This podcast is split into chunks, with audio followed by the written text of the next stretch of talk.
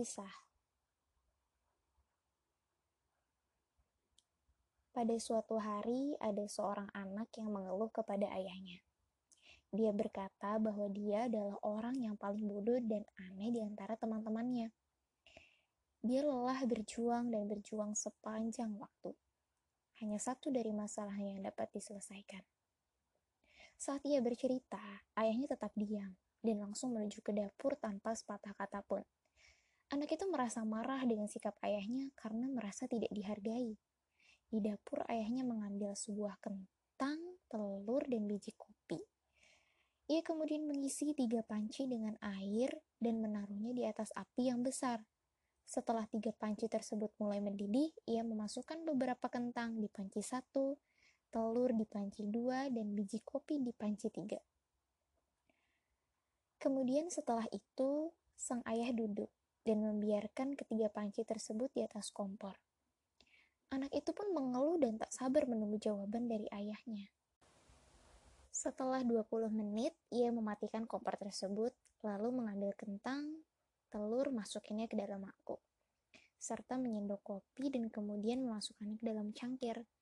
Setelah itu, sang ayah beralih menatap anaknya dan bertanya, Nak, apa yang kamu lihat? Sambil kesal, anaknya itu menjawab, tentang telur kopi. Lihatlah lebih dekat. Sentuh kentang itu, pecahkan telur itu, dan seduhlah kopi itu. Anak itu pun balik bertanya, Ayah, apa arti semua ini? Kemudian sang ayah menjelaskan bahwa kentang, telur, dan biji kopi adalah sama, yakni bahan makanan dan semuanya menghadapi kesulitan yang sama pula, yaitu air mendidih, namun menghasilkan reaksi yang berbeda. Kentang itu kuat dan keras. Setelah direbus menjadi lunak dan lemah. Telur itu rapuh dan encer dalamnya. Setelah direbus menjadi kuat dan padat isinya. Namun dari kesemua itu, hanya biji kopi yang paling unik. Karena setelah ia direbus, ia tetap hitam. Malah kopi tersebut menjadi pahit dan mengubah air mendidih menjadi sama seperti dirinya, sehingga menciptakan hal yang baru. Kamu termasuk yang mana, nak? Tanya sang ayah kepada anaknya. Ketika kamu mendapatkan masalah, bagaimana cara kamu untuk menyelesaikannya? Apakah kamu adalah kentang, telur, atau biji kopi? Anak itu pun terdiam dan termenung dengan apa yang ditanyakan oleh ayahnya. Well, sebelum gue lanjut ke cerita, gue mau tanya-tanya dulu nih, gimana self quarantine selama kurang lebih dua minggu ini? Mungkin ada yang work from home, atau kuliah online, atau mungkin maraton drakor. Apa pun itulah, semoga di mana pun kalian dan segala aktivitas yang kalian jalankan, semoga semuanya diperlancar dan kita selalu diberi kesehatan. Jangan lupa makan, jangan lupa istirahat, dan juga lupa dan jangan lupa untuk berjemur juga katanya ya. Oke balik lagi ke cerita tadi. Kalau kita tarik intinya sang ayah sedang mencoba menjelaskan definisi masalah pada anaknya.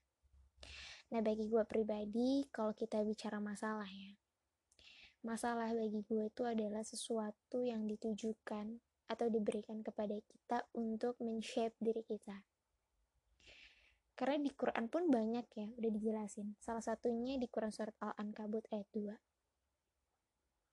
Apakah manusia itu mengira bahwa mereka dibiarkan saja mengatakan kami telah beriman, sedang mereka tidak diuji lagi?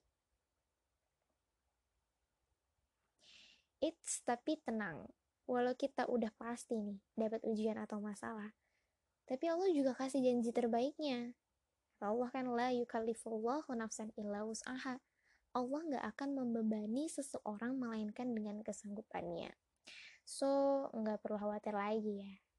Di sini, kalau kata Aagim mah, masalah tuh dirancang agar kita dekat dengan Allah. Yap, tapi di sini gue bukan yang mau menggurui dengan berbagi tips menyelesaikan masalah. Kayak lo harus kayak gini ketika menghadapi masalah. Enggak, gue nggak mau kayak gitu. Karena basically setiap orang punya caranya masing-masing buat nyelesain masalahnya toh masalahnya pun berbeda-beda kan sama kayak ayahnya tadi bilang bahwa uh, setiap orang tuh punya sudut pandangnya juga dalam menyikapi masalah.